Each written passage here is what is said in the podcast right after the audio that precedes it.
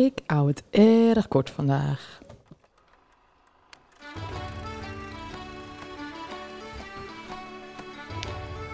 Hallo allemaal en welkom bij de podcast Zonder Naam. Deze podcast wordt opgenomen door, voor en met Volendammers. En wij gaan het hebben over de evenementen die plaatsvinden in Volendam en het algemene rijden en zeilen van ons dorp.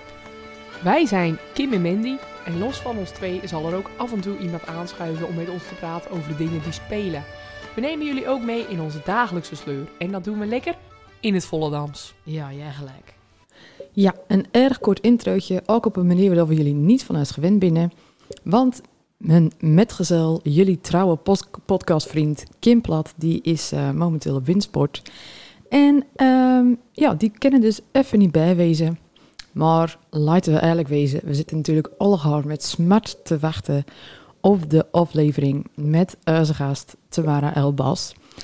Dus ik schakel meteen door, want we hebben zo lekker hoed dat we ook gewoon weer ruim een uur hebben vult. En nou, nou komt het volgens mij zo aanlopen. Jeetje. En dan geef ik een klap. En als ik de klap geef, dan kunnen we beginnen. Oké, eh, vandaag hebben we Tamara Elbas bij ons. Ik vind nou gewoon zelf moeite om eh Volendams te praten. Hoe ken dat nou? Ja, ik praat uit Nou, Volendams we- jij. en nou doen we al even Volendams ik al praten, maar dan gaat het anders zijn dan, eh, nou, stom. we gaan ons best doen. En we doen het in Volendams. Maar we zijn erg blij dat je hier vandaag bij ons binnen, dat je tijd wou eh, vrijmaken. En volgens mij ben je ook bekend in deze buurt, want ik hoorde dat jouw opa en oma hier achter woonden. Ja, dat klopt. Ik eh, was vroeger altijd bij mijn best in Bab. Dus eh hoe Volendams wil je het hebben? ja, ja, ja, ja. En ehm, mijn oma, of mijn best, die was zelfs naar geen Volendammer Kluidendracht. En eh, die hebben altijd aan de Ventersgracht gewoond. eh tegenover de Avenhof. En Ja. toen ik klaar was, was het nog niet eens een Avenhof. Oh, Dan was het gewoon echt een, een, een, een erg verschrikkelijk lelijk plan. Waar alle auto's weer parkeerd. Ook door een man wie dat gecoördineerd in het Volendams. Volendammer Kluidendracht. En eh, ja, ik heb er altijd super naar mijn zin had. En eigenlijk had toen er natuurlijk een Avenhof weer gebouwd. Ja. Ja, dat was natuurlijk, vooral als je zo jong bent, hartstikke leuk. Want daar gebeurde het echt. Ik Ja. weet niet hoe dat tegenwoordig is. Het is wel echt het begin van het, het centrum, weet je. ja. Ja, Er is nog steeds de meeste reuring, denk ik, van het eh hele dorp hier Ja. zo. ja, ja wat dat mooi betreft, eh, mijn best en bab, die, die vond ik altijd de beste locatie van Volendam. Hè. Ja. Dus daar, eh, dat was wel je, erg leuk. Ja, De hele dag voor het raam zitten kijken, ja, en dat deed ik dan natuurlijk ook. En als het dan kermis was, nou ja, dan was het eigenlijk gewoon een vast. Want dan zat je er gewoon middenin. Ja. En eh, ja, daar heb ik gewoon erg een leuke herinneringen aan. Aan zowel mijn best als mijn bab, maar ook aan de leus. Ja. Ah, Maar jij eh, deed je vroeger gewoon volledig Vollands praten altijd. Nou ja, ik praat nog steeds Volendams. steeds? Ja, ik praat nog steeds Volendams met mijn moeder. En nog steeds Volendams ook met mijn zus en met mijn broertje. Met allemaal volle, ja, met mijn Volendammer tante. Met mijn, mijn tante Nel is dan helaas vorig jaar overleden. Maar daar praat ik ook nog Volendams mee. Zo ook met al mijn neuven hier.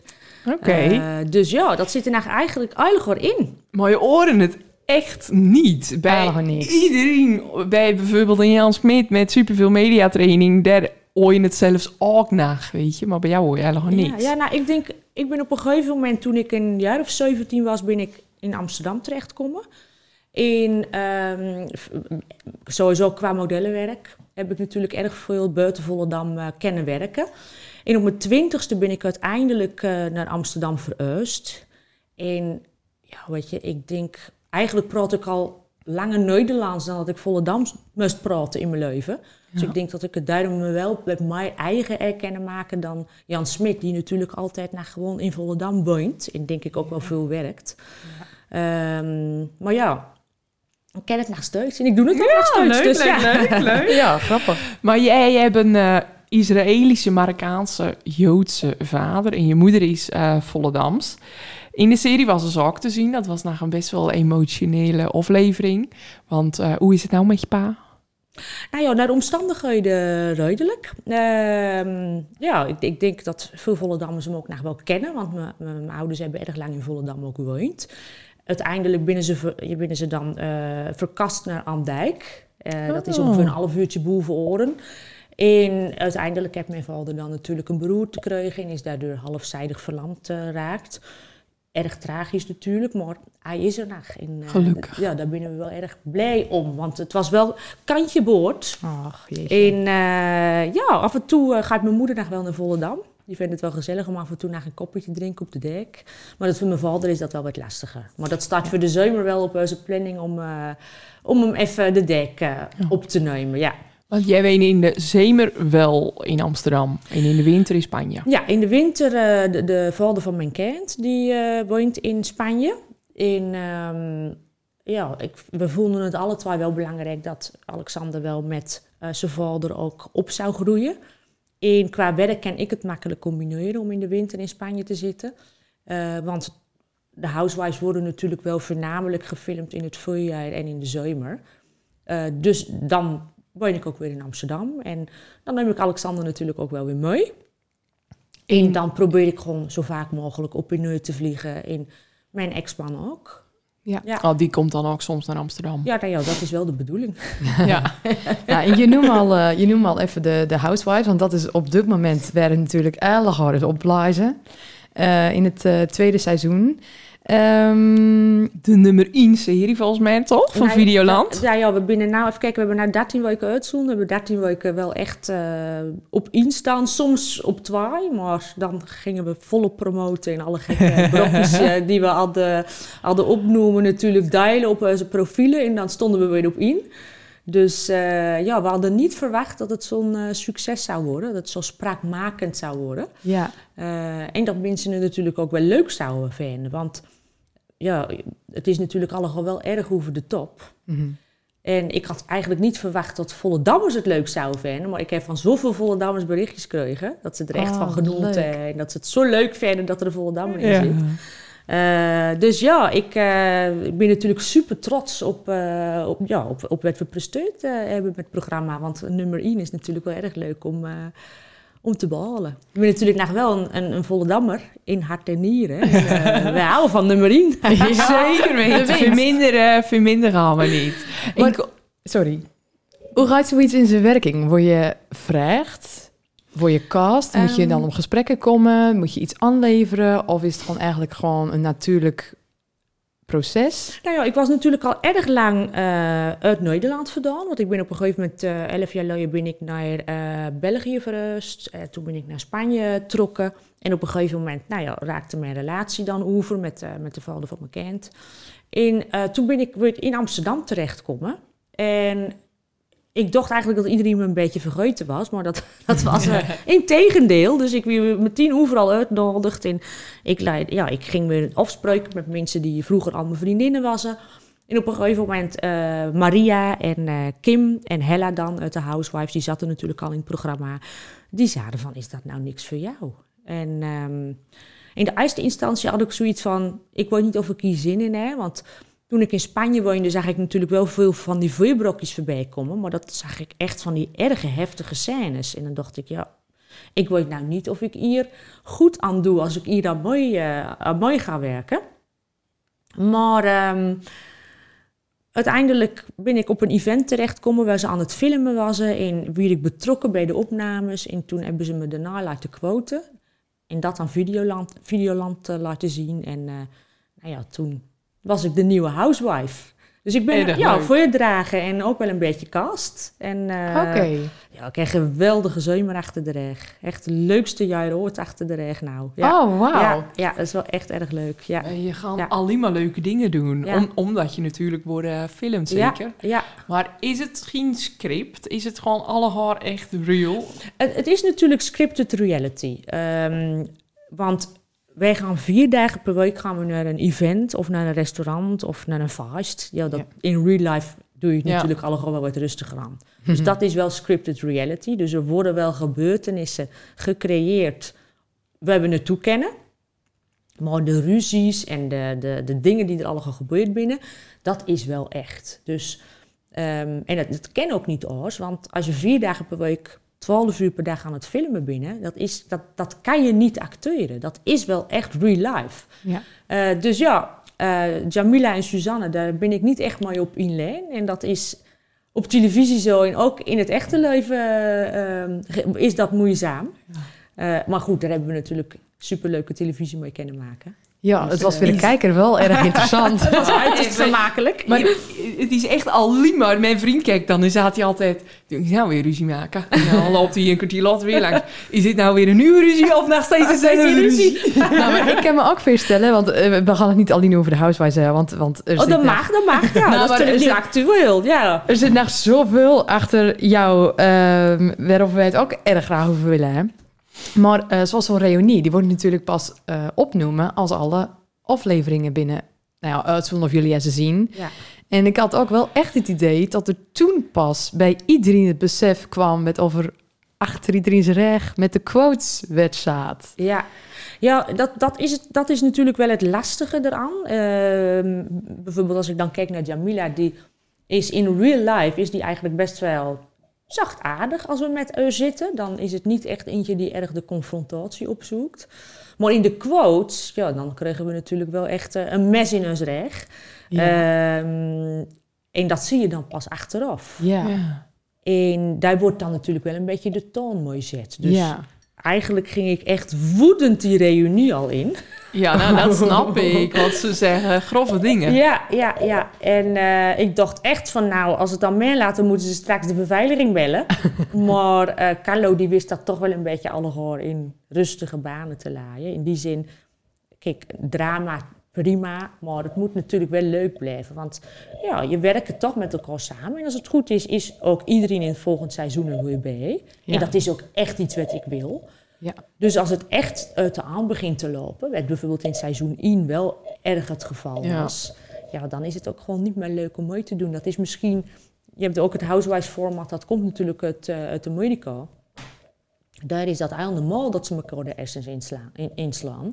Maar ehm, dat is niet wat als productiemaatschappij en wat Videoland per se wil. ja. Leuk, beetje drama, maar het moet niet meer onder de gordel wezen zoals in het eerste seizoen. En dat is ook wel echt iets waar ik achter sta. En wat ik ook echt op voorhand er zaad. Ik bedoel, ik wil absoluut leuke televisie maken. En ruzie maken ook goed. Maar het, het moet dan niet verder gaan dan dat we ruzie hebben over make-up. Of uh, jij hebt me niet groet. Of uh, Ja, alle het, onzin. wel kletsen. Ja, het moet wel... drie, ja. drie afleveringen Ja. over je helemaal niet groet. Ja, ja, ja, precies. Ja. ja, het binnen echt first world problems hebben ruzie over maken. En dat willen we ook echt zo houden. Ja. Ja. Heerlijk, ja, ik hou ervan. Maar we willen overal eh, over, eh, over eh, praten. We beginnen bij het eh, begin. Gewoon beginnen we weer hier op de Don Bosco. Wat er op zeten. Nou, maar toen was je al model, toch? ja, dat klopt. Hoe Ja. ging dat zo? Ehm, nou ja, ik, ik heb eigenlijk nooit in dat stramien lopen van eh wat de meeste dammers toen het tijd deden. Dus ja, weet je, je ging dan naar de middelbare school en je werkte dan eh, of bij de viswinkel of bij de slager. In, of bij de bakker, dat kon ook nog wel eens voor je komen. En je trouwde dan met je jeugdliefde. En eh, ja, dat was eigenlijk alle gewoon erg simpel en erg duidelijk. En alles stond al op voorhand vast hoe je leven er moest uitzien. En ik, ik werd er altijd erg benauwd van. Ehm en van mijn moeder mocht ik ook niet in de vis. En dan zei ik, ja, maar ik kan daar veel geld mee verdienen. Want ik hield toen al van veel geld verdienen. Inderdaad, ja. en eh, nou ja, uiteindelijk ehm, eh, wel op de Don Bosco beland. Maar ik, ik had natuurlijk een boontje nodig. En op een gegeven moment ben ik toen mooi gaan doen aan een wedstrijd van het magazine Fancy, geloof ik, als ik het goed heb. En nou ja, uiteindelijk in, ook in de finale terechtkomen. En toen vond ik het eigenlijk zo leuk. Zo achter de schermen met make-up, in foto's maken, in een show lopen. En toen ben ik eigenlijk ja, zo inrold. En heb ik toch altijd wel erg goed modellenwerk kunnen, kunnen doen. Tot mijn dertigste zelfs fulltime. Zo. Ehm, en ja, dat zijn ervaringen voor het leven. Ik, eh, ik, ik heb erg veel van de wereld daardoor kunnen zien. Erg veel leuke mensen ontmoet. Veel bekende mensen ontmoet. Altijd leuk mijn geld kunnen verdienen, ook tijdens mijn studie. En ehm, ja, dat had ik niet alles willen doen, zeg maar. Dat is wel echt erg leerzaam geweest. En dat heeft me ook wel een beetje ehm, ja, los doen komen van dat toch wel traditionele Volendamse. Want dat is niet echt iets wat ooit bij me past. heeft. Eh, en dat, eigenlijk, als je voorom kijkt op mijn stappen, wat ik in mijn leven hernoemen. Ja, ik ben op een gegeven moment toch wel op mijn twintigste, heb ik echt definitief Volendam verlaten. En dat was voor mij als persoon wel echt de beste beslissing die ik ooit heb erkennen nemen. Ja. Omdat het toch wel in zekere zin beperkte. Ehm, nou ja, ik, ik, ik denk dat het nou wel oors is. En misschien hebben jullie een oude ervaring. Maar toen ik jong was, ik bedoel, ik word nou in maart 42. Dan was het, ja, dan was het nog echt wel erg ouderwets. Dan was het er echt nog erg veel mensen ook die in Klaarderdag rondliepen. En eh, het was echt, het hele dorp kende elkaar. In, ja, je ging er gewoon met eentje uit je klas of eentje van een paar straten verderop. Ja. En dat was het. En daar werd eigenlijk van je verwacht dat je dan jong ging trouwen en dat je kinderen gingen krijgen. Doe maar gewoon, dan doe je al gek genoeg. Maar ik was nooit gewoon. Want ik had natuurlijk een buitenlandse vader. Eh, mijn moeder was ook model. Was toch eentje van Skype. Nou ja, gekke Skype hadden ze hier op Volendam. dus eh, ja, dat, het heeft nooit echt bij me past om hier in Volendam te blijven. In, ja, ik denk dat dat, dat, dat ja, dus nou wel een beetje aan het opspelen is. Ik bedoel, ik ken een hele goede vriendin hier in Volendam. Dat er toch wel mensen zich een beetje hun grenzen gaan verleggen. Ook wel een beetje bezig ben met een stukje zelfontwikkeling. Dan zeg ik, hoe ken je dat nou op Volendam? Zeg ik dan tegen mijn vriendin. Dan zei ze, ja, ik merk toch wel een beetje een verschuiving. Dat, Zeker. ja, dat ze Veel. toch wel een beetje meer open-minded worden. En dan ben ik toch wel blij om dat te horen. Want dat was wel echt nodig. Ja, zeker. S- Volendam loopt al in erg veel jaar achter. Ja, en, en dat heeft misschien ook wel zijn charme. Want soms denk ik wel eens bij mijn eigen van... het was allemaal wel wat duidelijker geweest of zo... als ik gewoon bij keus mijn eerste vriendje was blijven... en in de Maastraat in mijn huis Welke Kees? Kees Hoekstra. Kees Hoekstra. Dat was mijn eerste vriendje, een echte Volendammer. Ja, en daar ben ik toch wel erg lang mooi geweest. En dat was ook van, joh, we kochten samen een huis in de Maastraat... tegenover het voetbalveld. Oh, maar erg vroeg dan ook. Ja, toen was ik 17 of 18. En Wow. Ik was al een tijdje model, dus daar kon ik goed mijn geld mee verdienen. Ja. En toen was het nog veel makkelijker om een huis te kopen. En eh, Dus jij hebt wel even geprobeerd. ik heb het wel even geprobeerd om eh, in het stramien te blijven lopen. dat was wel erg rottig, want op een gegeven moment zat ik dan drie maanden in dat huis. En dan hadden we vroeger altijd van die plooigordijnen. Mhm. Ik weet niet of dat nog steeds is, maar... Ja, jawel hoor. Wel, ja, maar in de, wel bij die generatie nog steeds. Ja, Ja. ja, ja, ja, echt En jij zo ook. Nee, ik dat bedoel ik. Dat is generatie. Maar eh, de, het generatie van tien jaar ouder, dat had wel de Ja. volgens Ja, mij klopt. Dus eh, dat- nog steeds. Toen is het Ja. inderdaad. Ja, ja. En ik zat daar achter mijn plooigordijn en op een gegeven moment was ik drie keer per week de, de voorstoep in de achterstoep aan het stofzuigen. Want ja, daar, daar, daar doen op letten. Of je wel je ramen lappen in of je wel de voorstoep eh, aan, het, aan het stofzuigen binnen hebt. Dat is tegenwoordig ook, Ook niet meer. Oh, gelukkig. Dat was zo druk. Je ziet nu nou overal onkruid. Dat is ook niet goed. Oh ja, Zij heeft die deur ook niet te leggen. Nou, ik vind die vrij netjes. ja, en op een gegeven moment dacht ik van... ja, ik wil dit eigenlijk gewoon niet. Ik wil niet dat de buren erop letten of ik wel de ramen lap... of, of er wel inderdaad onkruid of zand op mijn voor stoep laat. en toen ben ik na drie maanden opstap. Toen hadden we net twee jaar lang lopen verbouwen. Huis gekocht, een hypotheek afsloten. En, eh, en toen zei ik, ik ken het niet meer. Ik wil dit niet meer. Toen ben ik bij hem weggaan. Dat was erg, eh, erg rottig. En dat, dat, daar heb ik me ook erg lang erg schuldig over gevoeld. Toen ben ik ook echt naar, naar Amsterdam verhuisd. Ja. En ehm, dat was wel moeilijk, want ik was zo gewend in Volendam is alles duidelijk, weet je. Dus eh, als, als daar eentje zaad, eh, hoe het zit, dan is dat ook echt zo. Weet je, what you see is what you get. En ik dacht dat het in Amsterdam ook zo was. Dus je kon me echt alles verkopen en ik geloofde het. Ja. Dus Ja. dat was af en toe wel gevaarlijk. Want Ja. ja, weet je, ik liep in zeven sloten te, tegelijk. Ehm, maar je kwam natuurlijk ook wel eens de verkeerde tegen. En dat vond ik wel lastig aan niet in Volendam wonen. Het was in Volendam wel allegaar veiliger en duidelijker en rustiger. En dat had ook wel zijn voordelen. Maar ja, uiteindelijk ben ik wel door schade en schande wijs geworden. En vind ik het nou hartstikke leuk in Amsterdam. En zou ik nooit meer om willen naar Volendam, maar wel altijd leuk om hier naar een visie te komen eten bij eh Evert van Smit Bokken. Ja, die zat ook bij mij in de klas van Oh, leuk. Oh, Dus dan ga ik nog af en toe een visje eten. Ja. Dus eh, ik ben er nog wel regelmatig, maar hier wonen zou ik denk ik niet meer kennen. Nee. Maar je was het dan eh, op 20 in Amsterdam, weet je? Toen ben je, deed je toen ook nog studeren? Of gewoon fulltime model? Ik deed fulltime modellenwerk. Ik zat toen de tijd op de universiteit, uh, Universiteit van Amsterdam, want ik wilde graag advocaat worden. Dus uh, ik ben begonnen aan een rechtenstudie. Maar ik was op een gegeven moment zo vaak aan het razen, voor mijn modellenwerk dan, dat ik op een gegeven moment de keuze noemde van nou, ik stop met mijn opleiding. Ik zeg ook nou wel eens af en toe tegen mijn val, die hadden echt mijn binnen moeten breken. Want ja, ik kon gewoon studeren, maar ik, ik, ik deed het niet, want ik wou modeshows lopen. Ja. um, en uiteindelijk uh, tijdens mijn modellencarrière dan een opleiding uh, uh, PR en communicatie overmaakt, een HBO-opleiding. Nou, daar rij je nou eigenlijk niks meer aan, want op die opleiding dan doe je leiden dat het hoe je in de krant moest komen of in een magazine. Maar ja, dat is nou, niet dat, dat is, dan moet je gewoon alles, alles online doen. Dus ja, ja, ja werd ik van die opleiding mooi kreeg. En daar had ik in de praktijk uiteindelijk eigenlijk niks aan. Maar goed, wel iets opmaakt. Dus ja. uh, mijn vader kon trots op me wezen. um, en ja, uiteindelijk op mijn dertigste dan een, een eigen kantoor begonnen. Een uh, PR, evenementen en modellenbureau. Daar heb ik altijd erg leuke opdrachten voor erg grote opdrachtgevers kunnen doen. Dat we toen de tijd volgden door Modemeisjes met een Missie. Dat was een R-reality televisieprogramma. En uh, ja, dat was eigenlijk mijn eerste stap op Nederlandse televisie. Was dat nou naar te vergelijken?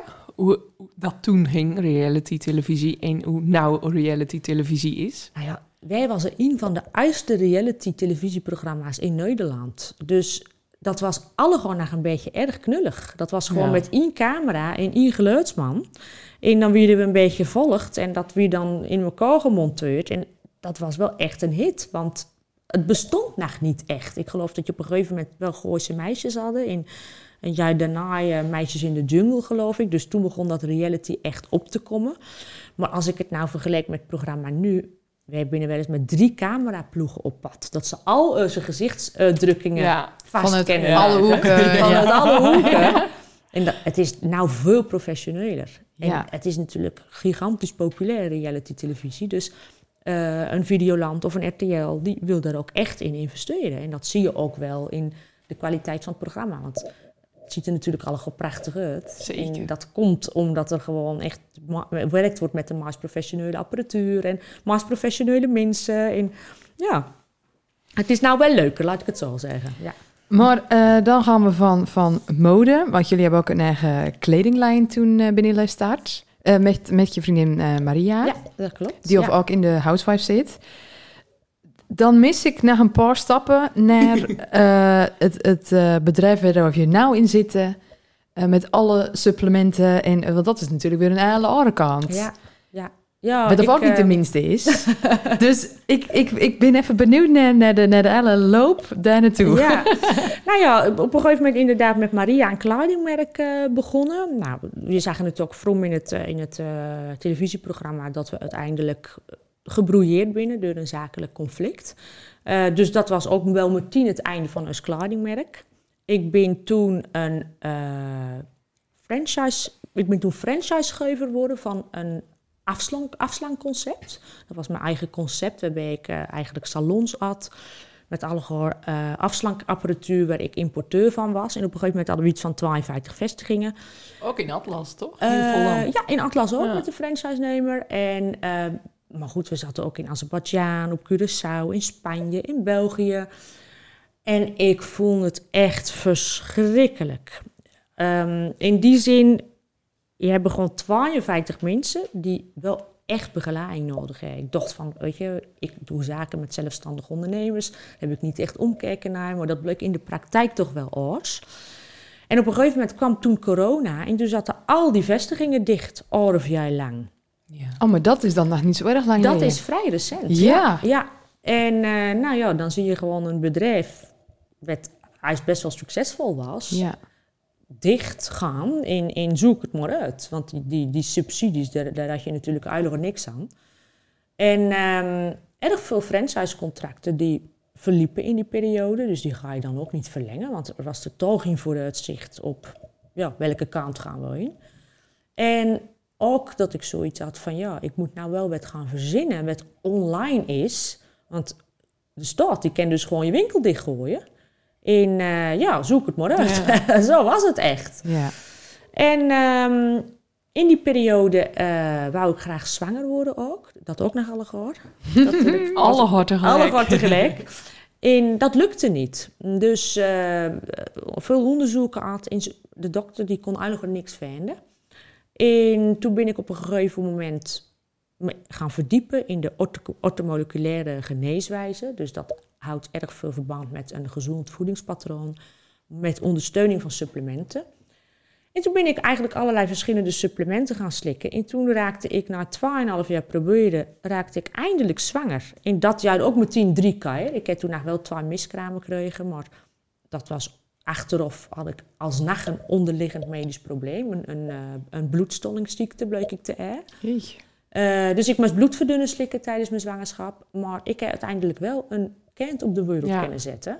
En ik weet zeker dat het door die supplementen kwam. Want er gebeurde 2,5 jaar niks. En ehm ineens natuurlijk zwanger worden. Goh. Dus eh, ja, geweldige zwangerschap had, die supplementen door blijven slikken. En ik kwam eigenlijk met steeds meer vrouwen in contact die hetzelfde probleem hadden. Want fertiliteitsproblemen, die komen gewoon veel vaker voor je dan je denken. En nou ja, dan zat ik, oh, ik heb deze kruien slikt en je moet die supplementen nemen, je moet dat Ja. niet meer eten. En die raakte dan ook zwanger. En toen dacht ik, maar wacht even, dit is natuurlijk wel fantastisch. Dat de dokter die werkt natuurlijk erg op het bestrijden van de symptomen. Dat is hetgeen wat ze leiden in hun opleiding. Maar die symptomen, die binnen er natuurlijk door een probleem. En de ortomoleculaire geneeswijze, die gaat ervan uit van dat probleem moet eerst opgelost worden. In het, wat mij betreft gaat het natuurlijk aan ten aan. Want we kennen niet hè, zonder de medische industrie. Ik bedoel, als ik kanker heb, ja, dan ben ik ook erg blij dat er chemo is. Of als ik een infectie heb, ja, natuurlijk neem ik dan antibiotica. Eh, liever niet, maar soms dan hebben we dat gewoon natuurlijk ook nodig. Maar de kracht van supplementen en gezonde voeding is gewoon gigantisch. En nou, ik ben daar op dat gebied allerlei opleidingen gaan volgen. En ehm, ik vond dat zo verschrikkelijk interessant. Dat, ja, dat was gewoon echt mijn passie. Dus toen heb ik in tijd van 12 jaar iets van 180 verschillende soorten supplementen ontwikkeld. En ja, dat loopt goed. Ik verkoop het gewoon echt online via mijn eigen webshop. Dus ik heb wel echt wel winkels die eh, ze willen inkopen, maar ehm, dat is niet mijn ja, target, denk ik, of niet echt mijn doel. Ik vind het prettig als het al op eh, rechtstreeks wordt gekocht en dat gaat goed. Misschien ook Ja. naar aanleiding van je ervaring met al die vestigingen van het Size Zero. eh. Ja, als ik nou wel eens een salon naar Diaz wil inkopen, dan denk ik, nou, ik weet niet of ik nog mijn mijn handen hier aan wil branden. Het is wel Ehm, jammer. Het je- is jammer, Je ja. zou wel echt... Ja, dan kan je het wel weer naar een volgend level. Ja, absoluut. brengen. Maar ik denk dat, dat ik dan misschien niet de aangewezen persoon ben om dat alle ge- in goede banden te laaien. Ik ben maar een eentje die een bepaalde visie heeft, die graag een product wil ontwikkelen, die graag iets moois wil neerzetten. Maar daarna heb ik wel versterking nodig, zeg maar. Oh ja. En die persoon is nog niet op mijn pad komen die dat voor ons kan doen. Ja. Dus als het naar een uitwerkende volle dammer is die luistert. Kim? Ja, jij hebt die sieraden. Een Ik ben commerciële erop. kracht is altijd welkom. Ik heb, ik heb een baby, ik moet minder werken. Ja, dat heb ik net al terug in de zaad. Ja, de baby heeft voor je dank. De baby heeft voor je paar jaar, over vier jaar. maar eh, even kijken, want eh dit doe je samen met je ex-man, toch? En dat gaat goed. Oh, echt? Het is gewoon, want volgens mij binnen jullie niet meer eh, allerbeste vrienden. Dat klopt. Ja, en dat, dat leste, dat klopt ook. maar in die zin heeft ze eigenlijk nooit echt met de zaak bemoeid. En dat doet hij nog steeds niet. En als dat zo door kan gaan, dan... Kijk, weet je, we hebben natuurlijk alle twee een kind. En uiteindelijk, in die end, is alles straks voor Alexander. Dus in die zin, ja, we zijn inderdaad partners in de firma. En dat is prima om dat ook zo te houden. Want waar doe je het uiteindelijk voor je? Hè? Natuurlijk vind ik het leuk om een goed bedrijf op te bouwen. Maar mijn drijfveer is toch wel dat Alexander eh, niet zo hoeft te struggelen zoals wij vroeger. Want mijn vader die kwam uit Israël, die beheerste de taal niet. Dus die begon in een fabriek. Nou ja, dat is lastig als je drie kinderen hebt. Daar kan je echt geen eigen zin van onderhouden. En ik heb wel zoiets van, oké, dat heeft me ook vermd. Ehm, ja, weet je, we hadden niet veel geld vroeger. Maar dat heeft me wel doen inzien dat ik wel graag wil dat het mijn kinderen wat makkelijker afgaat. Dus ja, in die end is alles voor Alexander. Dus als we daar in zakenpartners moeten blijven, dan uh, so be it. We Ja. binnen hoe dan ook met elkaar Als verbonden. je, als, Ja. ja. je bent er toch met elkaar verbonden. Ja, als je geen last van elkaar hebt, Ja. dan werkt dat toch prima. Exact. Want ja. ben je streng opvoed? Want dat zei je wel een beetje eh, als een Ehm, generaal of zo. Ja, zoiets. nou ja, kijk, mijn vader die, ehm, ja, die, die, die komt natuurlijk, uit, ja, die is geboren dan wel in Marokko, maar uiteindelijk in Israël terechtkomen. In Israël is het gewoon verplicht voor zowel mannen als vrouwen om in het leger te gaan. Het is echt een oorlogsstaat. Ehm, wat misschien ook wel nodig is, want ja, weet je, het is daar natuurlijk, het is daar nooit rustig. Zolang ik leef is het daar, is het daar gewoon niet rustig. Ehm, en mijn vader die zat gewoon zeven maanden per jaar zat hij in de woestijn. En dan, ja, dan, dan was hij gewoon op vechterskamp. Gelukkig heeft hij nooit oorlogen meemaakt hoor. Maar die, die training die is gewoon zo heftig en zo intens. Ja, dan willen ze gewoon ergens in de woestijn gooien en zoek het maar uit om ze sterk te maken. In die, met die mentaliteit kwam mijn vader wel echt naar Nederland. En wij hebben hier gewoon echt opvoed als soldaten. Met echt een ijzeren discipline. En eh, je moet goed studeren. En je moet eh, goed eh, op tijd wezen. En ja, dat, Ja. dat we hier echt wel met een ijzeren hand binnen we opvoed. En ehm, ja, dat vond ik vroeger wel eens moeilijk. Maar aan de andere kant heb ik wel zoiets van... dat maakt mij wel echt een streber. Ik ga pas stoppen met iets als het lukt is. En ehm, ik heb ook echt de energie ervoor om, om er wat van te maken. En als, ik, als het niet lukt, dan vind ik, vind ik dat ik faalt. Eh. Ja. En dan ga ik gewoon net zo lang door tot het lukt. Dat is denk ik toch wel een beetje eh, iets uit mijn opvoeding. En dat is denk ik ook wel een beetje de, de, de mentaliteit. Ik wou net zeggen, Ja. dat in combinatie met de Volendamse moeder. Ja, ja, Ga het er maar is, aan staan. eh, ja, ja, ja, ja, het is niet lullen, maar pellen. Dat is toch een beetje wat we mooi hebben gekregen. En dat vind ik ook wel echt leuk aan Volendam, in aan Volendammers. Is dat ze natuurlijk, ja, ze binnen niet kinderachtig. Ik weet nog dat ik bij, eh, vroeger bij officier van justitie werk natuurlijk in het verlangstuk van mijn opleiding. Nou, en dan die vreemde lui, die gingen dan om 12 uur met pauze. En dan om 2 uur moesten ze koffie. En om 4 uur moesten ze sigaretje roken. En dan om 5 uur stipt, dan ging die computer dicht. En dan liep het hele pand leeg. En dan had ik zoiets van, ja, ik ben echt niet klaar met mijn werk. Dus ik maakte dat wel af. En ik hoefde niet per se drie kwartier met pauze, weet je. Dus ja, Ja. dat is wel echt een eye mentaliteit wat hier op Volendam is. Maar goed, dat zie je ook wel in de resultaten. Want er binnen natuurlijk erg veel succesvolle, in bekende Volendammers natuurlijk ook ondertussen. Ja. Omdat we wel echt eh, ja, niet kinderachtig binnen. De meeste actuarissen in Nederland komen uit Volendam. Ja, moet je nagaan. Dat is al Ja. in statistiek, weet je. Dat is Ja, al ja, bizar. is. Los van alle bekende mensen. ja, ja, ja. En eh, hoe wil je dan Alexander opvoeden? Nou, dat is wel erg grappig. Want eh, ik dacht eigenlijk van, ik wil dat mijn kind veel bereikt. In, eh, nou ja, in die zin, hij gaat dan wel naar een internationale school. Dat vond ik voor zijn ontwikkeling wel belangrijk. In die zin dat ik ook wel echt wil dat hij een internationale visie ontwikkelt. Maar ik wil wel dat hij wordt wat hij wil worden. Want ik denk die erge eh, pressie, wat, wat, wat, ik denk, wat we denk ik uit Volendam en mooi kregen, maar ik natuurlijk ook vanuit mijn vader. Dat zorgt er wel voor dat je af en toe wel echt jezelf voorbij lopen. En dat ik een hele tijd echt dacht van wie ben ik nou eigenlijk? In wat wil ik nou eigenlijk? En dat vond ik altijd gewoon erg moeilijk. Is dat nou mijn vader die wil dat ik dat word? Of is het nou ik die dat per se wil? Of dat je dat willen voor je vader, zodat hij trots is. Dat is ja, ook weer een- exact. Ja. En ik denk dat ik het belangrijker vind dat Alexander gelukkig is en zijn, weg daarin vindt, dan dat hij ehm, ja, zichzelf voorbij gaat lopen. Want weet je, ik bedoel, waarom kon ik 2,5 jaar geen kinderen krijgen? Ik, ik deed gewoon niet uit. Ik was gewoon de hele dag was ik keihard aan het werk. Ik stond om zes uur 's ochtends op. Ik eh reed vanuit België naar Amsterdam. En dan was ik daar de hele dag op kantoor. En dan voor mijn. En in de avond ging ik tot een uurtje of negen durven mijn afslaankeuten. En afspraken daarvoor maken. kwam ik om 11 uur thuis. Deed ik warm eten. En lag ik pas Ja. om 12 uur op bed. Om de oude ochtend weer om 6 uur mijn bed uit te gaan. Ja, En dat is niet dat goed. is niet goed. Nee. En dan dacht ik, ja, hé, maar eh, we moeten toch werken? Ja, ja, ja. En Ja. Dan doe je alleen maar werken. Dan leef je om te maar werken. denk ik, is dat, iets- is dat iets wat Ja. ik wil? En nou, ik heb wel gemerkt, weet je, ook met het online gedeelte, dat ik wel zoiets er van, dat ik toen de tijd met die kledingmerken in dat keuken aan de aantal had. Zo hard ga ik niet meer werken. Daar begin ik niet meer aan. Nee. Je leven maar één keer. En daar moet je van genieten. Ja, en daar moet je ook gewoon van genieten. En ik denk dat dat besef nachtmerk komt als je een klaantje hebt. Ja, dus Alexander die kwam wat dat betreft wel echt op het juiste moment. Soms denk ik ook wel eens, ik was wel echt een complotgek. Dus in de coronatijd, dan, eh, dan stond ik nog net niet op het museumplan. Hmm. Maar dat mijn winkels dicht zaten al een jaar lang en ik gewoon niet kon werken. Ja. Dat was wel voor mij de uitgelezen kans om na te gaan denken van wat vind ik nou leuk? En wat wil ik nou niet meer in mijn leven? En toen kreeg ik een kind en toen dacht ik, nou eigenlijk wil ik fulltime moeder worden. Ja. ja. Dat, dat is natuurlijk een erge natuurlijke reactie als je een, als moeder een, een, kind op de wereld zet. En ja, dat heeft me wel wat zachter gemaakt. En ik wil niet zeggen minder ambitieus, maar het heeft gewoon mijn prioriteiten veranderd.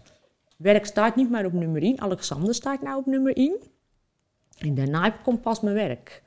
En ja, weet je, ehm, gelukkig heb ik hem de eerste drie jaar altijd mooi kunnen nemen in mijn zaak.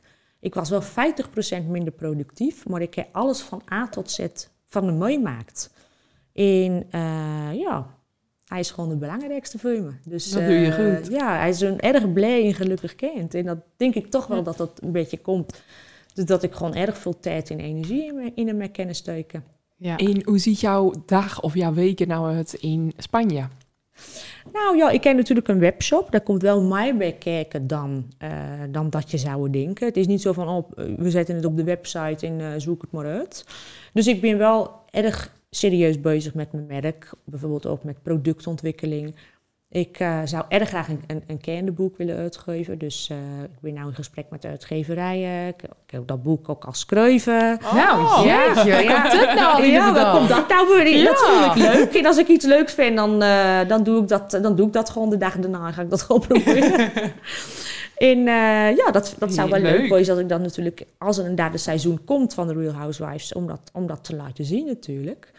Ehm, Betekent dit tussen deze lippen deed dat je dus al wel weer het derde seizoen binnen? ah, ja, ehm, Of mag je dat nog niet zeggen? Nou, in die zin van.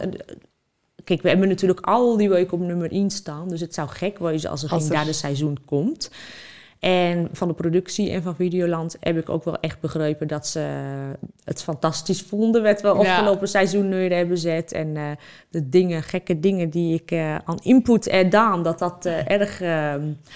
Ja, toch wel echt er zorgt dat we vooral op TikTok en Instagram viral binnen gaan. Ja. Dus eh, ja, het, Het kan zou- niet anders dan dat ik er niet, niet bij ben in het derde seizoen. En daar Ja. binnen we ook al wel echt over in gesprek. Oh, Er is daar leuk. geen officieel akkoord van het Videoland. Maar de productie heeft ook wel aangegeven van... daar zou ik niet me druk over maken. Dus Mhm. ehm, Dat zou wel gek wezen. Ik kan het al niet meer opwachten. Ja, echt? het is ook wel jammer dat het is over. Nou is het morgen donderdag. Jezus. En er is niks Nou, meer, is niks. Bedroefd, bedroefd. Zwart gaat. Ja. Ja, echt. Ik ben ook begonnen aan Beverly Hills en aan eh, Real Dubai, Housewives. alle Real Housewives. Oh, maar het is alle gewoon net niet dat. Ja, Maar ik vind Beverly Beverly Hills, Hills leuk. die doet goed Beverly mee, Hills hoor. vond ik Ja. wel leuk. Maar daar doen ze Maar- op een gegeven moment ook echt met glazen tickets slaan Ja, en maar met die- ik veel geworden. Die ben echt hadden gek. nachtmerrie ruzie. Ja, ik vond, die hadden echt alleen maar ruzie in. Echt alleen maar achter de reg om. Ik, ik vond dat even too Dat much vond je too eigenlijk. much. Ja, misschien ja, wel. Ja, Ja, ja, oh grappig. Want ik vind dat dus altijd smullen. ik, het kijkt wel lekker weg hoor. Het kijkt wel lekker weg. Leuk. Maar eh, ja, we gaan verder. Eh, we gaan naar de vragen, man. Oh, wacht. Ja, wel. Ik, eh riedeltje. Ik, eh, moet ik even zoeken welke over het is? Ja, deze. Vragen en dilemma's. Met Dan de hebben we dus- Dirkse vraag staat er Ja, die eh, heb ik. Oké, ja, is goed. Ehm, vragen en dilemma's is dus een item waarbij mensen vragen en of dilemma's kunnen insturen. Oeh, Ja. hebben En mensen dat dan ook? dat- dan? Ja, zeker. Echt waar? Ja, hij, stond er, leuk. hij stond er na geen 12 minuten op of het ging al gewoon eh, ging los. Zo erg grappig. En we beginnen met de vraag van de vorige gast. En dat was dus Dick Tuip. Dat is een oud klasgenootje van je. Ja, zo erg leuk. Ja. En die vroeg zich af, wat was het spark-moment dat Tamara heeft doen toezetten tot zodanig ondernemen tot de vrouw die ze nu is geworden? Jezus, wat was het sparkmoment? Nou ja, dat was, dat was altijd wel erg gek. Maar als ik bijvoorbeeld als jong Maasie, dan, dan weet je, dan, oh, de Maasies wouden dan kapper worden. of uh, mannen wilden, of jongetjes wouden brandweerman worden. Maar als ze dan aan mij vroegen van, wat wil jij nou laten worden? Dan zat ik gewoon rek. Ik had niet echt een beroep, maar mijn moeder, mijn moeder zei ook altijd... Ja, dan was je echt drie of vier jaar oud. En dan had ik zo'n zo'n album Is dat een... Een poesie-album? dat na? Oké, een poesie-album kregen we dan vroeger. En dan, uh, dan, dan doe ik daar zogenaamd zakelijke afspraken in zetten. nice. En dan had ik een telefoon en dan zei ik tegen mijn moeder... ja, want dan heb ik later wil ik dan een gele sportauto. Een, een, een, een mooie auto wou ik dan... Eh. En toen zei ze, geen idee hoe je eraan kwam, maar je bent gewoon zo geboren. Ga je niet van mij hoor, zei mijn dan. zo grappig. Ja, dus er was nooit echt een moment. Ik, ik weet niet beter dan dat ik bij mijn eigen dochter later wil ik mijn eigen zaak en wil ik gewoon veel geld verdienen.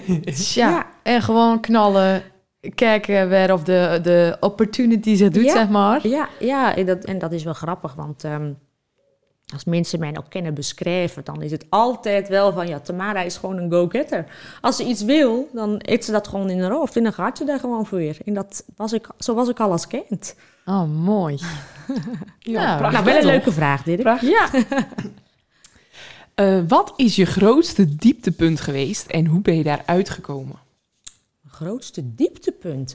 Um, werd ik wel erg een moeilijke periode uit mijn leven voelde, was toch wel dat ik op een gegeven moment dacht van misschien kan ik wel nooit kinderen krijgen. Weet je, mm. dat, dat duurde echt, nou ja, het heeft toch wel twee, tweeënhalf jaar duurt. En dan zou je zeggen, oké, weet je, het heeft even wat langer duurt. Maar op het moment dat je zo graag een babytje willen en dan elke maand een test in je ja. hand hebben die gewoon staat dat je niet zwanger binnen. Dat was gewoon wel echt een, een, een erg moeilijke periode in mijn leven. En op een gegeven moment ben je dan zwanger en dan krijg je twee miskramen. Kijk, zwanger worden is, was al een uitdaging, maar zwanger blijven was dat dus ook. En dat vond ik wel een erg lastige periode. En ik denk dat daar ook wel de passieve vandaan is komen. Uiteindelijk, ja, naar mijn idee, het een, een ommezwaai in een lifestyle, in het slikken van supplementen toelaat, dat ik gewoon een, ja, uiteindelijk een gezond kind op de wereld herkennen zetten. Maar dan de uh, positieve reacties die dan op jouw supplementenmerk komen, dat zorgt ervoor dat ik gewoon erg veel plezier heb in mijn werk nou. Dus ik zie het inderdaad als een dieptepunt, maar uiteindelijk heeft het me erg veel positiviteit gebracht. Waardoor ik nou erg veel mensen kan helpen met, uh, met hun klachten. Ja, nou mooi. Mooi. Deze binnen eigenlijk al een beetje beantwoord, die volgende vragen. Van, nou ja, uh, deze niet. Oh ja, dat was ook van een klasgenootje. Herinner je je examenfeest nog? was een... Uh, mijn examenfase? Was dat een examenfase? Nou, jullie examenfase geen idee. Want dat jij de oh. veer was er in je dronken opvoed bij de fietsenstalling. En toen hadden ze... Uh, aan Bram, toen naar de uitbater van de Opperdam... hadden ze gevraagd of ze daar buiten stoelen mogen neerzetten of zo. Maar toen ben je dus uit je Rocky skeert of zo zat. Of je je dat nog herinneren? Ik weet eigenlijk gewoon niks meer. Wauw, jeetje. En toen zat ik in toen. Is ze toen naar huis gaan? Vonden ze het erg? Want als je, hoe je je nou op televisie ziet, dan denk je van... Wow. Ja, dan vroeg, vroeg ze zich op. Wat grappig. Nou, ik kan eigenlijk gewoon niks meer herinneren van het examen vast. Ik kan me dus nog wel herinneren. Dat is erg grappig, want ik ben echt al 30 jaar bevriend met Ellen Schilder, Ellen Witte.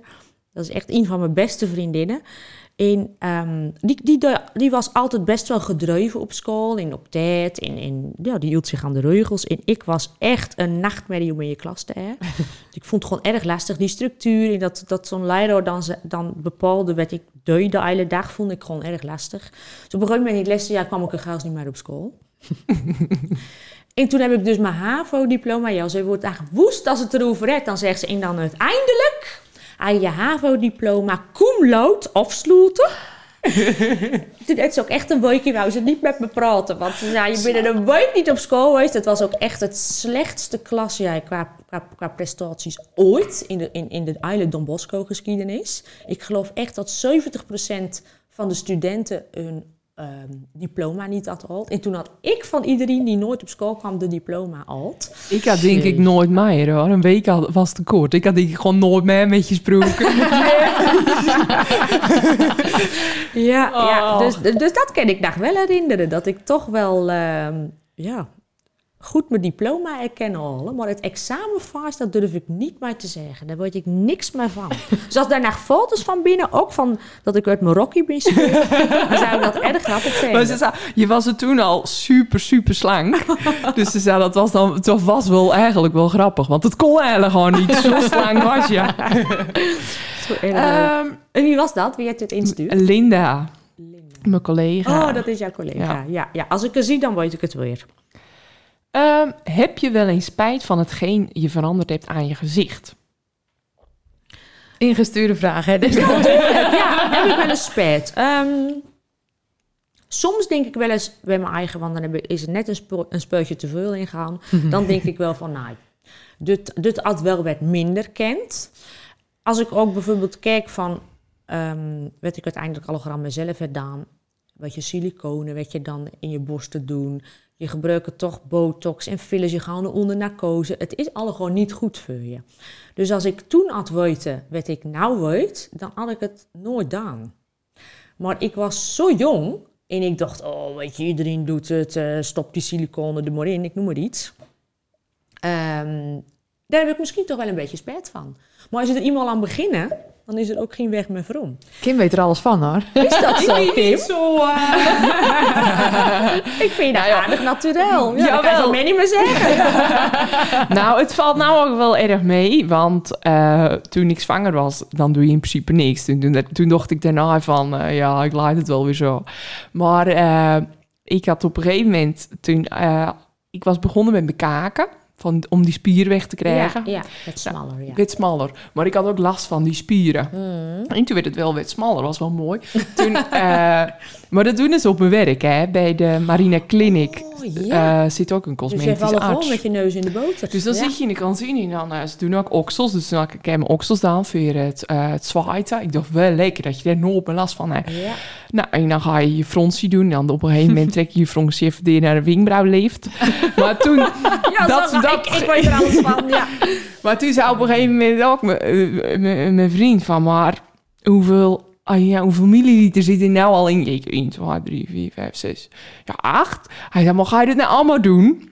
Toen dacht ik wel, en toen werd ik zwanger. Toen dacht ik daarna van, ja, Dan moet je stoppen, ja. ja maar Ja. nou ben ik dat dus niet meer. Maar ja, ik ben nou net weer begonnen met werken. Dus ik zit ermee weer allemaal in de kantine met die Ja. cosmetische arts. Dus Ja. dan ga je zo weer eh, verder. Ja, dat ga je vanzelf. Ja, en het is natuurlijk ook zo. Ik ben natuurlijk lang model geweest, veel modeshows lopen, op een gegeven moment op televisie. Dus je hebt allemaal die lichten en die camera's op je. Ja, dan zie je natuurlijk wel gewoon veel meer dan als je gewoon ergens, eh, ergens achter de kassa werkt. Dan ben je er natuurlijk gewoon veel minder mee bezig. Maar nou deed je in de aflevering van The Real Housewives... deed je elleboogbotox Oh, ja, ja. in je knieën. Ik ben dus- dat vond ik een uitvinding. Ja. Ja, ik ben panisch verneld. Dus dat zou voor mij sowieso niks wezen. Dus dat fragment, want jij zei ook iets van... Oeh, ja, maar dat geluid toen bij, met je wang of zo... Er was een bepaald geluid. Ik zei, ja, toen, toen kreeg ik wel even een rare maag. Weet ik niet meer. Weet je niet meer? Ja. Nou, maar ik vind bij- dat tijdens die niet. behandeling... Ik zei, ja, dat heb ik al niet zo. Want ik pak gewoon mijn telefoon. Ik ga gewoon Oh, even scrollen. Want, ja, ik Ja. kan er niet naar kijken. Ja. Mijn moeder zou zeggen, Tamara is eigenlijk gewoon nergens bang voor je. Dus Nou, Ja. de- eh, vandaag was je ook weer zei, oh, ik vind het erg interessant allemaal. Ik zei net tegen Mandy, ik zei, dit wil ik ook. ja, Zelfde behandeling als eh, Ja. Kim Kardashian. ja, ja, dus ik dacht, dat moet ik ook, hè. Volle dams, hè, moet ik ook, hè. Zag er wel pijnlijk uit. Nou, dat was het niet. Nee, dat was het niet. Het was erg, eh, er is een erg goede lezen en het is gewoon erg goed voor je uit te verstevigen. Ik ben natuurlijk ook niet meer de jongste, dus... eh, Maar stel nou dat je op jongere leeftijd met dat soort behandelingen was begonnen. Daar is nou natuurlijk veel meer in als vroeger. ja. Stelt het dan niet het moment van botox en fillers enorm uit dat het nodig is?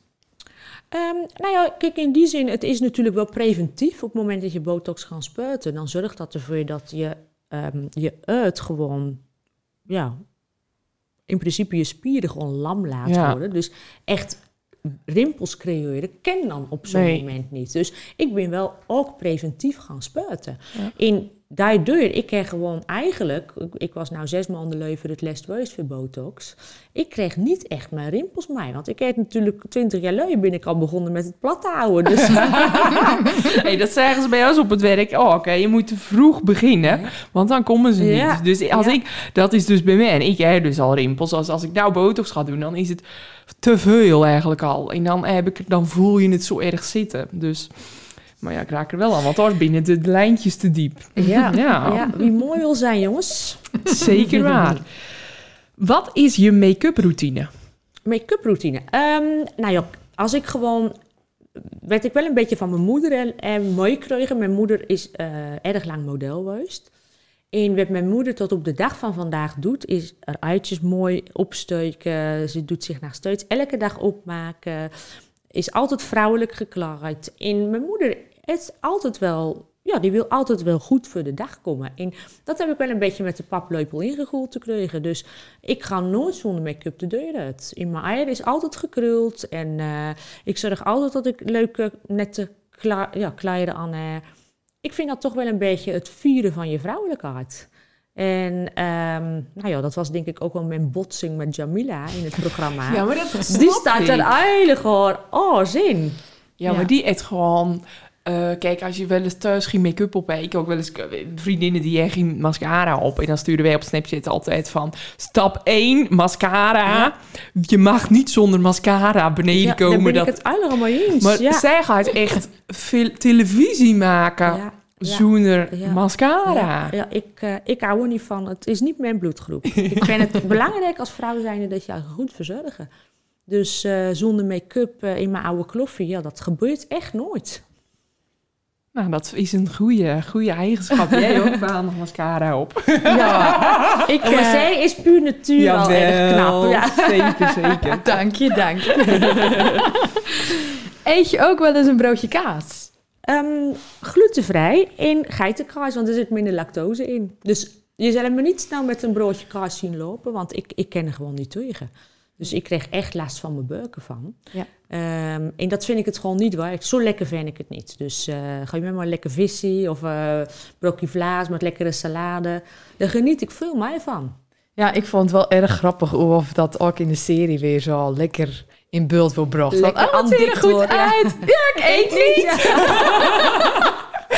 En dan inderdaad, tot Ja. zorgen ze dan niet ontbijt. En dan zo'n hele schaal met al die Al die supplementen, erin. Ik zet ja. even een kopje met een klomp butter erin. Ja, Ja, Maar gewoon zo lekker veel zelfspot, weet je. Het is gewoon zo lekker... eh, Maar ik deed me dus een beetje verdiepen in jou. En je had de les dus in een interview je eetdagboek verteld. Ja. Maar ik vond het echt wel meevallen. Ik had het veel stranger verwacht. Ja, nou, ik, kijk, ik vind wel, ik ben onwijze zoete kou. Dus ik ken de ene dag, ik word overal misselijk van. Maar als ik nou elke dag koekjes en taart en choco- chocola aan het eten ben, dan heb ik nergens last van. Dus ik... Gebeurt dat ook? eh, nou, afgelopen week is dat wel een dagje voor je komen. Was ik ook echt aan het razen. Ik, ik had er gewoon zin in. Dus dan moet dat ook gewoon kennen. Ik Ja. denk dat het belangrijk is dat je, ja, dat je daar gewoon een beetje een balans in vindt. Eh, Want in zo'n streng regime, weet je, ik heb ook zoiets van je leven ook maar in kan. En ik kan af en toe echt wel genieten van chocola of van een taartje of alles wat zoet is. Dat vind ik gewoon heerlijk. En dat moet je ook gewoon kennen, want anders hou je het ook niet vol. Ja. Dus gezond eten, zeker, is belangrijk. Maar af en toe, eh, het, ja, af en toe eh, zondigen, dat moet kennen. Oké, oké. Lekker, lekker. Dan gaan we door naar de dilemma's. Ja, en er zat er ook wel erg leuk tussen. Je het nou alle mensen die het in hebben Ja, zeker. Zo erg grappig, ja. Elke week op date met iemand van een datingsite of elke week koffie met Suzanne en Jamila bij Bolle Jan? dat is wel erg grappig. Ehm, dan denk ik toch wel eh, elke week daten met iemand van een datingsite. Als ik maar niet hoef te betalen. Vanaf nu nooit meer supplementen of nooit meer make-up. Dat is een goeie. Ehm, dan toch wel nooit mijn make-up. Want, nou ja, een voorbeeld. Als ik bijvoorbeeld mijn periode had, elke, elke maand komt dat natuurlijk voor. Dan lag ik wel eens vijf dagen op bed. En dat was, nou dacht ik echt, nou, ik heb nou zo'n hoofdpijn, ik voel me nou zo slecht, ik moet naar het ziekenhuis. Dat dacht ik elke maand. En met supplementen is dat gewoon verombrocht naar één dag per week. Dus nooit meer supplementen, nee. Dat gaat nooit ken meer gebeuren. meer. Nee, dat ken ik meer. Dan liever natuurlijk door het leven. Als ik nog wel af en toe botox mag spuiten. Ehm één jaar geen plastische chirurgie of één jaar in Volendam wonen? Oeh, nou dan zeker één jaar in Volendam. Ja? Ik word nou ook weer zo welkom ontvangen, dus ik denk dat dat inmiddels wel goed zit. Ach, nou, gelukkig, gelukkig. Eén week op bikini lopen of één week met Jamila haar kleding? kleding. En dan eh, een hele week in bikini buiten. Ja. Oké, nou dan liever de kleding van Jamila, want ik ben een ontzettende koukleum. Dus ehm, een week in bikini is geen optie. Dan maar Zelfs in, niet eh, in de zomer, dus ja. Dan maar eh, Jamila's Dan maar kleding. Jamila's kleding aan, ja. En dan de laatste. Was dat ook instuurd? No ja, nooit meer naar een waarzegster of nooit meer koffie. Omdat je in het programma ben je best wel vaak eh het over waarzegsters en zo. Kaart lezen, dat soort dingen. Misschien moeten we het algemener maken. En nooit, of geen spiritualiteit of nog meer koffie. Eh, dan, dan zou ik toch stoppen met spiritualiteit. Echt? Ja, want als ik nou iets lekker ben, dan is het een kopje koffie. Ja, ja, ik ben een echte koffiedrinker. Maar spiritualiteit, dat is gewoon je elle... Maar ik moet er niet aan denken dat ik 's ochtends wakker word en dan geen kopje koffie kan zetten. Want ik word wakker en dan denk ik, sowieso ben ik een echt ochtendmens. En dan heb ik echt zin in de dag. Maar een onderdeel van de dag is in de ochtend toch echt wel een kopje koffie. Ja. Oké. Dus dan wordt het echt koffie. Nou, die had ik niet verwacht. Die had ik niet verwacht. Nou, dan is het nou... eh, eh, ja, het levensmotto eh, moment. Jij deed toch een knopje voor je? Ja, ik Mandy dacht dat- is van de knopjes. Ja, jij dacht tijdens het liedje. Ja. Ah, we doen het een keer als. Awesome.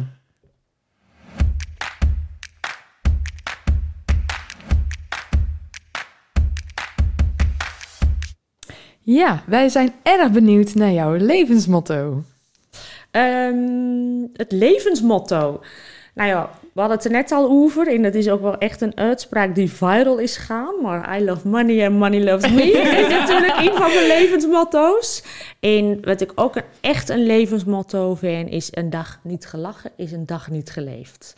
Want als Ja. nou eentje de hele dag deur kan lachen, dan ben ik het. En dat is ook echt erg belangrijk voor me. In vriendschap, in relatie, ook met de mensen waar ik mee werk. Ik hou gewoon van lachen. En dat zorgt ervoor je dat de dag gewoon leuk is. En ik vind het belangrijk dat ik een leuk leven heb. En lachen is daar een belangrijk onderdeel van. En lachen is gezond. Inderdaad, ja. Nou, dan gaan we door naar mijn favoriete item, want wij hebben ook een playlist. De dit is de podcast zonder naam, in welk de playlist zonder naam. Dat is de slecht beluisterde playlist op Spotify, maar we gaan er gewoon mee door. Gewoon deur blijven promoten. toch, dan komt het toch? Vanzelf, ja.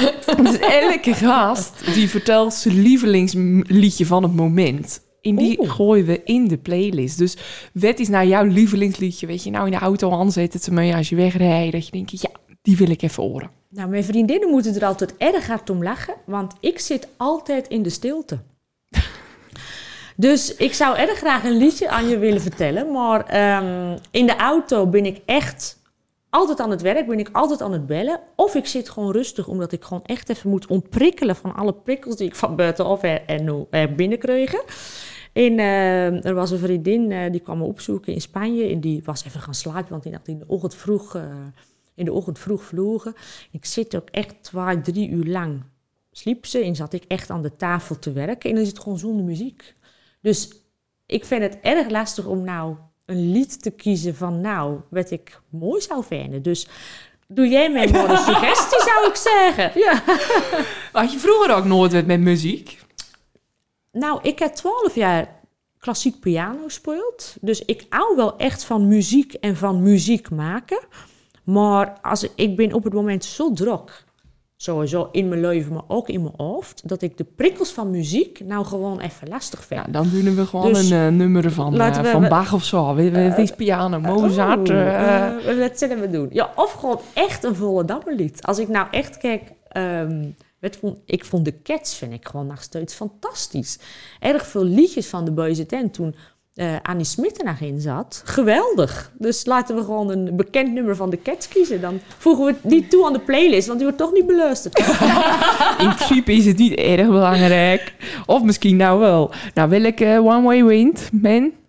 Go- Gooi maar in. One way Nee, wind. nou, er was nog eentje. We- Die, die doen deze altijd in de bar draaien. Eh, hoe heet die ook alweer? Ging je wel eens hier naar uit? Ik ben hier toch zoveel uit geweest Oh. in Volendam. Jezus, ik was de allergrootste vuistneus van het dorp. Ik vond het hier... Ik ben overal ter wereld ben ik wel uit geweest of in clubs geweest. Maar als ik het nou echt ergens zo verschrikkelijk gezellig had, dan was dat op Volendam. Want iedereen is hier natuurlijk laveloos. Ja. Dus iedereen staat hier op zijn kop. En ik heb zelf nooit alcohol dronken. Ik, ik hield er gewoon niet van. En ik zag ook wel wat het met de mensen hier deed. dat heb ik eigenlijk liever niet. Maar wel altijd erg gezellig. En alle muziek die in de bar wordt weer draait, ik weet niet of dat nog steeds zo is, is toch echt wel mijn favoriet als ik, eh, als ik de oort op ga. Dat is nergens, dat is alleen nog in Volendam. Oh, zo Dat grappig. is wel gezellig. Hoe is dat tegenwoordig? Binnen de nacht barren, want vroeger... Ja, wel hoor. Nog steeds de malen, Ja. het gat. Ja, Job is dan wel weg al een tijdje. ja, nou ja, ik ging vroeger natuurlijk altijd naar het Eumeltje en naar de Weerwaar en naar de Blokhut. Ja. Ik weet niet of jullie dat nog meemaakt. Nee. Nee. Dat was altijd wel erg gezellig. Maar ja, dat eh, had natuurlijk niet zo'n leuk, eh, leuk einde. Daar was ik nog wel bij trouwens. Op die avond zelf. Ja, daar was ik Echt? bij. Ik was in de Weerwaard toen, eh, toen uit. En, hebben we nog tijd of niet? Oh, Oh, ja, ja, wel. voor jou wel. Wel, oké. ja, dat, dat is toch wel ehm, eh, een heftig verhaal. In die zin dat ik... Ja, ik was echt een vaasbaast. Dus ik ging erg veel uit, erg veel op stap hier in Volendam. En dat was altijd in de Weerwaar en in het Eumeltje en in de Blokhut. Super gezellig.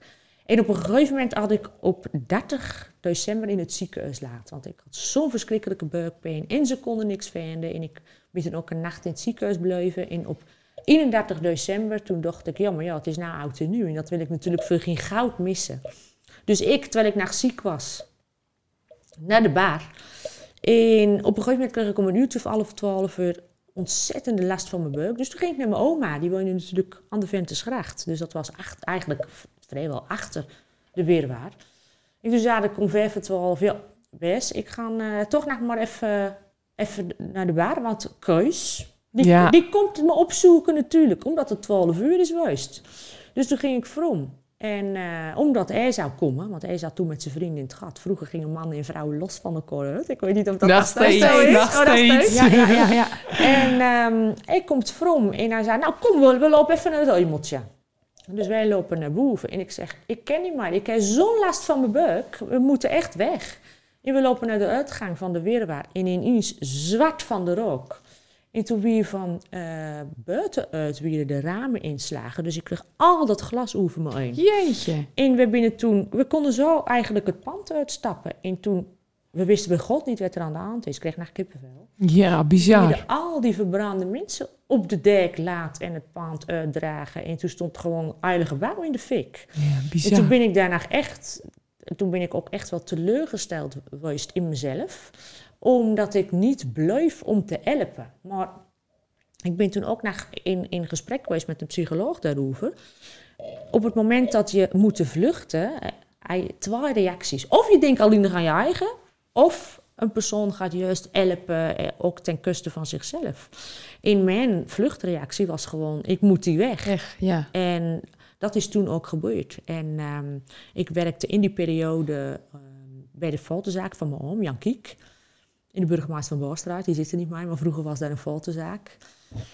En al die kinderen die op den duur ja, binnen overleden, de foto's van de overleden kinderen, die werden bij ons ontwikkeld voor op de, voor op de kist. Oh, Jeetje. verschrikkelijk.